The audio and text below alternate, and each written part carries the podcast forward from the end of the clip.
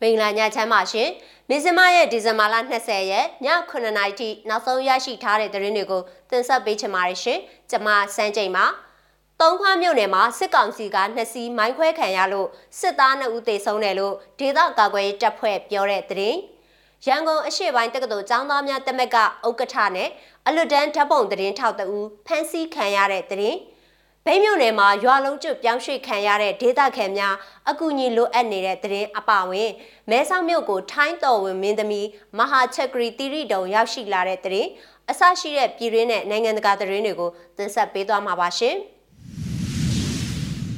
ပထမဆုံးသတင်းအနေနဲ့တုံးခွားမြို့နယ်မှာစစ်ကောင်စီကနှစ်စီးမိုင်းခွဲခံရလို့စစ်သား2ဦးသေဆုံးတယ်လို့ဒေသကာကွယ်ရေးတပ်ဖွဲ့ပြောတဲ့သတင်းကိုတင်ဆက်ပေးချင်ပါတယ်။ ရန်ကုန်တောင်ပိုင်းခရိုင်သုံးခွမြို့နယ်မှာစစ်ကောင်စီကနှစ်စီးကိုဒီကနေ့ဒီဇင်ဘာလ20ရက်မနက်ပိုင်းကမိုင်းဆွဲတိုက်ခိုက်ခဲ့ရာစစ်သား2ဦးသေဆုံးသွားကြောင်းသုံးခွမြို့နယ်ပြည်သူ့ကာကွယ်ရေးတပ်ဖွဲ့ TYFC ကသိရပါဗျ။သုံးခွမြို့နယ်ကနေခရမ်းမြို့နယ်ဘက်ကိုမောင်းနှင်ထွက်ခွာလာတဲ့အဲ့ဒီစစ်ကောင်စီကနှစ်စီးကိုသုံးခွမြို့အထက်လက်ပံကျိုးကျေးရွာဖက်ကလေးရိုးတရားအနီးမှာမိုင်းဆွဲတိုက်ခိုက်ခဲ့တာဖြစ်ပါတယ်။ ဒီနေ့မနက်၈နာရီခွဲအချိန်လောက်မှာခရမ်းမြို့ကိုသွားမဲ့စစ်ကောင်စီရဲ့ရိတ်ခါတင်ကားလို့ယူဆရတဲ့ကားနှစ်စီးကိုကျွန်တော်တို့ကာကွယ်ရေးအဖွဲ့ကအဝေးထိန်မိုင်း6လုံးနဲ့ဖောက်ခွဲတိုက်ခိုက်တာပါတလုံးကတော့မပေါက်သွားဘူး၅လုံးကိုဖောက်ခွဲနိုင်ခဲ့ပါတယ်စစ်သား2ဦးတေတယ်လို့ကနဦးတိထားရတယ်လို့ TYF အဖွဲ့ဝင်ရဲဘော်တဦးကပြောပါတယ်မိုင်းခွဲတိုက်ခိုက်ခံရမှုကြောင့်ထိခိုက်ဒဏ်ရာရရှိသူများလည်းရှိကြောင်းသိရပြီးတော့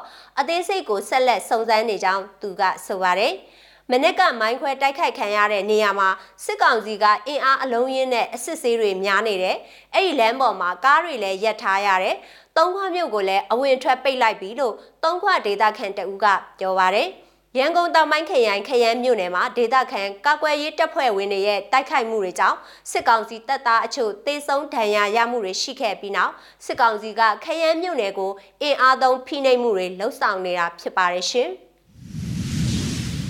ရန်ကုန်အရှိပိုင်းတက္ကသိုလ်ကျောင်းသားများတမက်ကဥက္ကဋ္ဌနဲ့အလွတ်တန်းဓာတ်ပုံသတင်းထောက်တအူဖမ်းဆီးခံရတဲ့သတင်းနဲ့ဆက်ချင်ပါတယ်။ရန်ကုန်အရှိပိုင်းတက္ကသိုလ်ကျောင်းသားများတမက်ကဥက္ကဋ္ဌမဆုရီလင်းနဲ့အလွတ်တန်းဓာတ်ပုံသတင်းထောက်ကိုစောလင်းထွတ်တို့ဟာမနေ့ကဒီဇင်ဘာလ19ရက်ညနေကတပိတ်ဆန္ဒပြပွဲကိုသတင်းယူဖို့အသွာလန်ခရီးမှာဖမ်းခံလိုက်ရကြောင်းတမကအတိုင်းဝိုင်းစီကသိရပါဗျ။ မနေ့ကညနေပိုင်းမှာပြုလုပ်မဲ့တပိတ်စစ်ကြောင်းကိုမိတ်ဆွေနှစ်ဦးဖြစ်တဲ့သူတို့နှစ်ဦးအတူသွားနေတဲ့ချိန်ကားပေါ်မှာပဲအဖမ်းခံလိုက်ရတယ်လို့သိရပါဗျ။တပိတ်ကိုသွားရင်အဖမ်းခံရတာပါကားပေါ်မှာဖြစ်ဖို့တော့များပါတယ်9နာရီလောက်ကစပြီးဖုန်းအဆက်အသွယ်ပြတ်သွားတာအဖမ်းခံရတာကိုအချင်းချင်းသိရတာမို့လို့အတီးပြုပါတယ်တပိတ်ကိုတော့အောင်မြင်စွာလုံနိုင်ခဲ့ပါတယ်လို့တက္ကသိုလ်ကျောင်းသားဟောင်းများအင်အားစုမှကျောင်းသားတဦးကပြောပါတယ်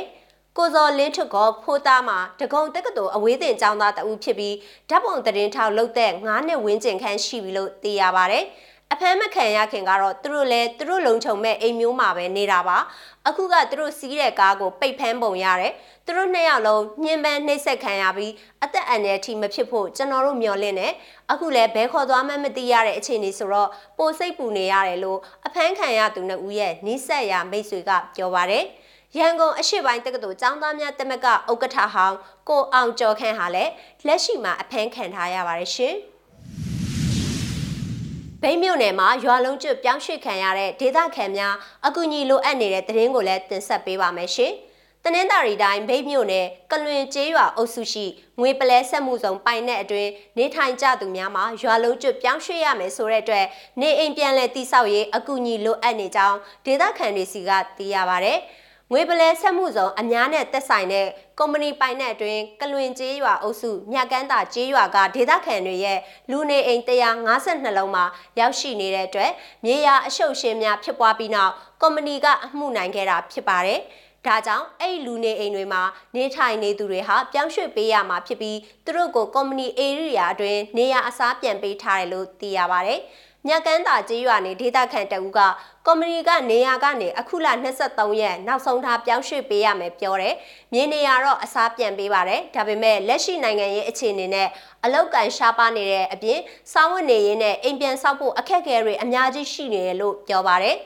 မြက်ကန်းတာကျေးရွာကိုအရင်မြေယာပိုင်ရှင်လို့ဆိုသူဒေါ်အေးမှုကရွာအဖြစ်တိဆောက်ပြီးဒေသခံတချို့ကိုငွေကြေးမယူဘဲနေထိုင်ခွင့်ပေးပြီးတော့ကြံမြေနေရာတွေကိုအကွက်ရရောင်းချပြီးရွာအဖြစ်တိဆောက်ထားတာဖြစ်ပါတယ်။ဒငွေပလဲဆက်မှုဆောင်အများနဲ့သက်ဆိုင်သောကုမ္ပဏီကအဲ့ဒီမြေယာဟာကုမ္ပဏီပိုင်မြေဆိုပြီးဒေါ်အင်းမူနဲ့ကုမ္ပဏီကြားမြေယာပိုင်ဆိုင်မှုအပေါ်နှစ်ရှည်တရားရင်ဆိုင်ရာကနေလက်ရှိမှာကုမ္ပဏီဘက်ကအမှုနိုင်သွားတာဖြစ်ပါတယ်။ အရင်တုန်းကဒီမြေယာကဒေါ်အင်းမူပိုင်နေထင်ပြီးသူခေါ်ထားလို့ဝင်နေတာပါ။အခုကကုမ္ပဏီနဲ့ပြဿနာဖြစ်တော့သူမပိုင်နာမှန်းသိရပါတယ်။အခုဒီရွာကနေပြောင်းပေးရမှာဖြစ်တယ်လို့မြက်ကန်းသာကျေးရွာနေဒေသခံအသက်40ကျော်အမျိုးသမီးတဦးကပြောဆိုပါတယ်။ လက်ရှိမှာရွာလုံးကျွပြောင်းရွှေ့ပေးဖို့ကုမ္ပဏီဘက်ကညွှန်ကြားထားပေမဲ့လည်းဒေတာခံများနစ်နာမှုမရှိစေဖို့အိမ်ထောင်စု152စုအတွက်25ပေ49ပေအကျယ်ရှိတဲ့မြေကွက်အစားပြန်ပေးခဲ့တယ်လို့ကုမ္ပဏီတာဝန်ရှိသူတဦးစီကသိရပါဗျ။ အခုကရွာလုံးကျွအိမ်တွေဖြိုဖျက်ပြီးအစ်စ်ပြန်ဆောက်ဖို့အခက်အခဲတွေအများကြီးဖြစ်နေပါတယ်။အလောက်ကင်ကမရှိတော့မိသားစုစားဝတ်နေရေးတွေပါအခက်ကြုံနေရတယ်လို့ဒေတာခန်ကပြောပါတယ်။ဒါကြောင့်လက်ရှိပြောင်းရွှေ့ခံရမယ်အိမ်ထောင်စု160နီးပါးရှိလူဦးရေ850ဦးကိုမြို့ပေါ်မှာရှိတဲ့စေတနာရှင်တွေကလာရောက်လှူဒန်းပေးလျက်ရှိပါတယ်ရှင်။မဲဆောက်မြို့ကိုထိုင်းတော်ဝင်မင်းသမီးမဟာချက်ဂရီတီရီတုံရောက်ရှိလာတဲ့တဲ့ရင်ကိုလည်းတင်ဆက်ပေးချင်ပါတယ်။ ထိုင်းနိုင်ငံထပ်ခရိုင်မဲဆောက်မြို့ကိုဒီကနေ့ဒီဇင်ဘာလ20ရက်မနက်ပိုင်းမှာထိုင်းတော်ဝင်မင်းသမီးမဟာချက်ဂရီတီရီတုံရောက်ရှိလာကြောင်းထိုင်းသတင်းတွေမှာဖော်ပြထားပါတယ်။ထိုင်းတော်ဝင်မင်းသမီးမဟာချက်ဂရီတီရီတုံဟာဒီကနေ့ဒီဇင်ဘာလ20ရက်မနက်9:00နာရီခွဲမှာမဲဆောက်လေးစိတ်ကိုလေကြောင်းလိုင်းနဲ့ရောက်ရှိလာတာဖြစ်ပါတယ်။ မြန်မာစစ်ပေးရှောင်တွေစီလာမယ်မလာဘူးဆိုတာအတိအကျမသိရသေးပါဘူးဒါပေမဲ့ဒီဘက်မှာတော့တူလာရဲ့အစင်သင်းဖြစ်အောင်ကြိုတင်ပြင်ဆင်မှုတွေနဲ့လုံခြုံရေးတွေလည်းချထားတာတော့ရှိတယ်လို့မဲဆောက်အခြေဆိုင်မဲပတဘာဝရိတ်တာကုညီပေးရေးတာဝန်ခံကိုအောင်သူကပြောပါတယ်မဟာချက်ဂရီတီရီတုံဟာမြန်မာစစ်ပေးရှောင်တွေစီကိုလာရောက်မယ်လို့အစောပိုင်းမှာသတင်းများထွက်ပေါ်ခဲ့ပေမဲ့လည်းလက်ရှိမှာဒီကနေ့ဖွင့်လှစ်မဲ့မဲဆောက်ပြည်သူစေယုံကြီးအဆောင်သစ်ဖွင့်ပွဲနဲ့ မဲဆောက်ခရိုင်ရှိတောဝီမနီနက်ကျောင်းနဲ့နေဆက်ကင်းလက်တင်တန်းကျောင်းကိုလာရောက်သွားတယ်လို့မြန်မာစစ်ပေးဆောင်ကူညီစောင့်ရှောက်ရေးတာဝန်ယူနေသူတွေကပြောပါရရှင်။မြစမရဲ့ဒီဇင်ဘာလ20ရက်ည9:00နာရီထိနောက်ဆုံးရရှိထားတဲ့သတင်းတွေကိုတင်ဆက်ပေးခဲ့တာပါ။ကြည့်ရှုအားပေးတဲ့အတွက်ကျေးဇူးအထူးတင်ရှိပါတယ်။မြန်မာပြည်သူတွေဘေးအန္တရာယ်အပေါင်းကကင်းဝေးကြပါစေရှင်။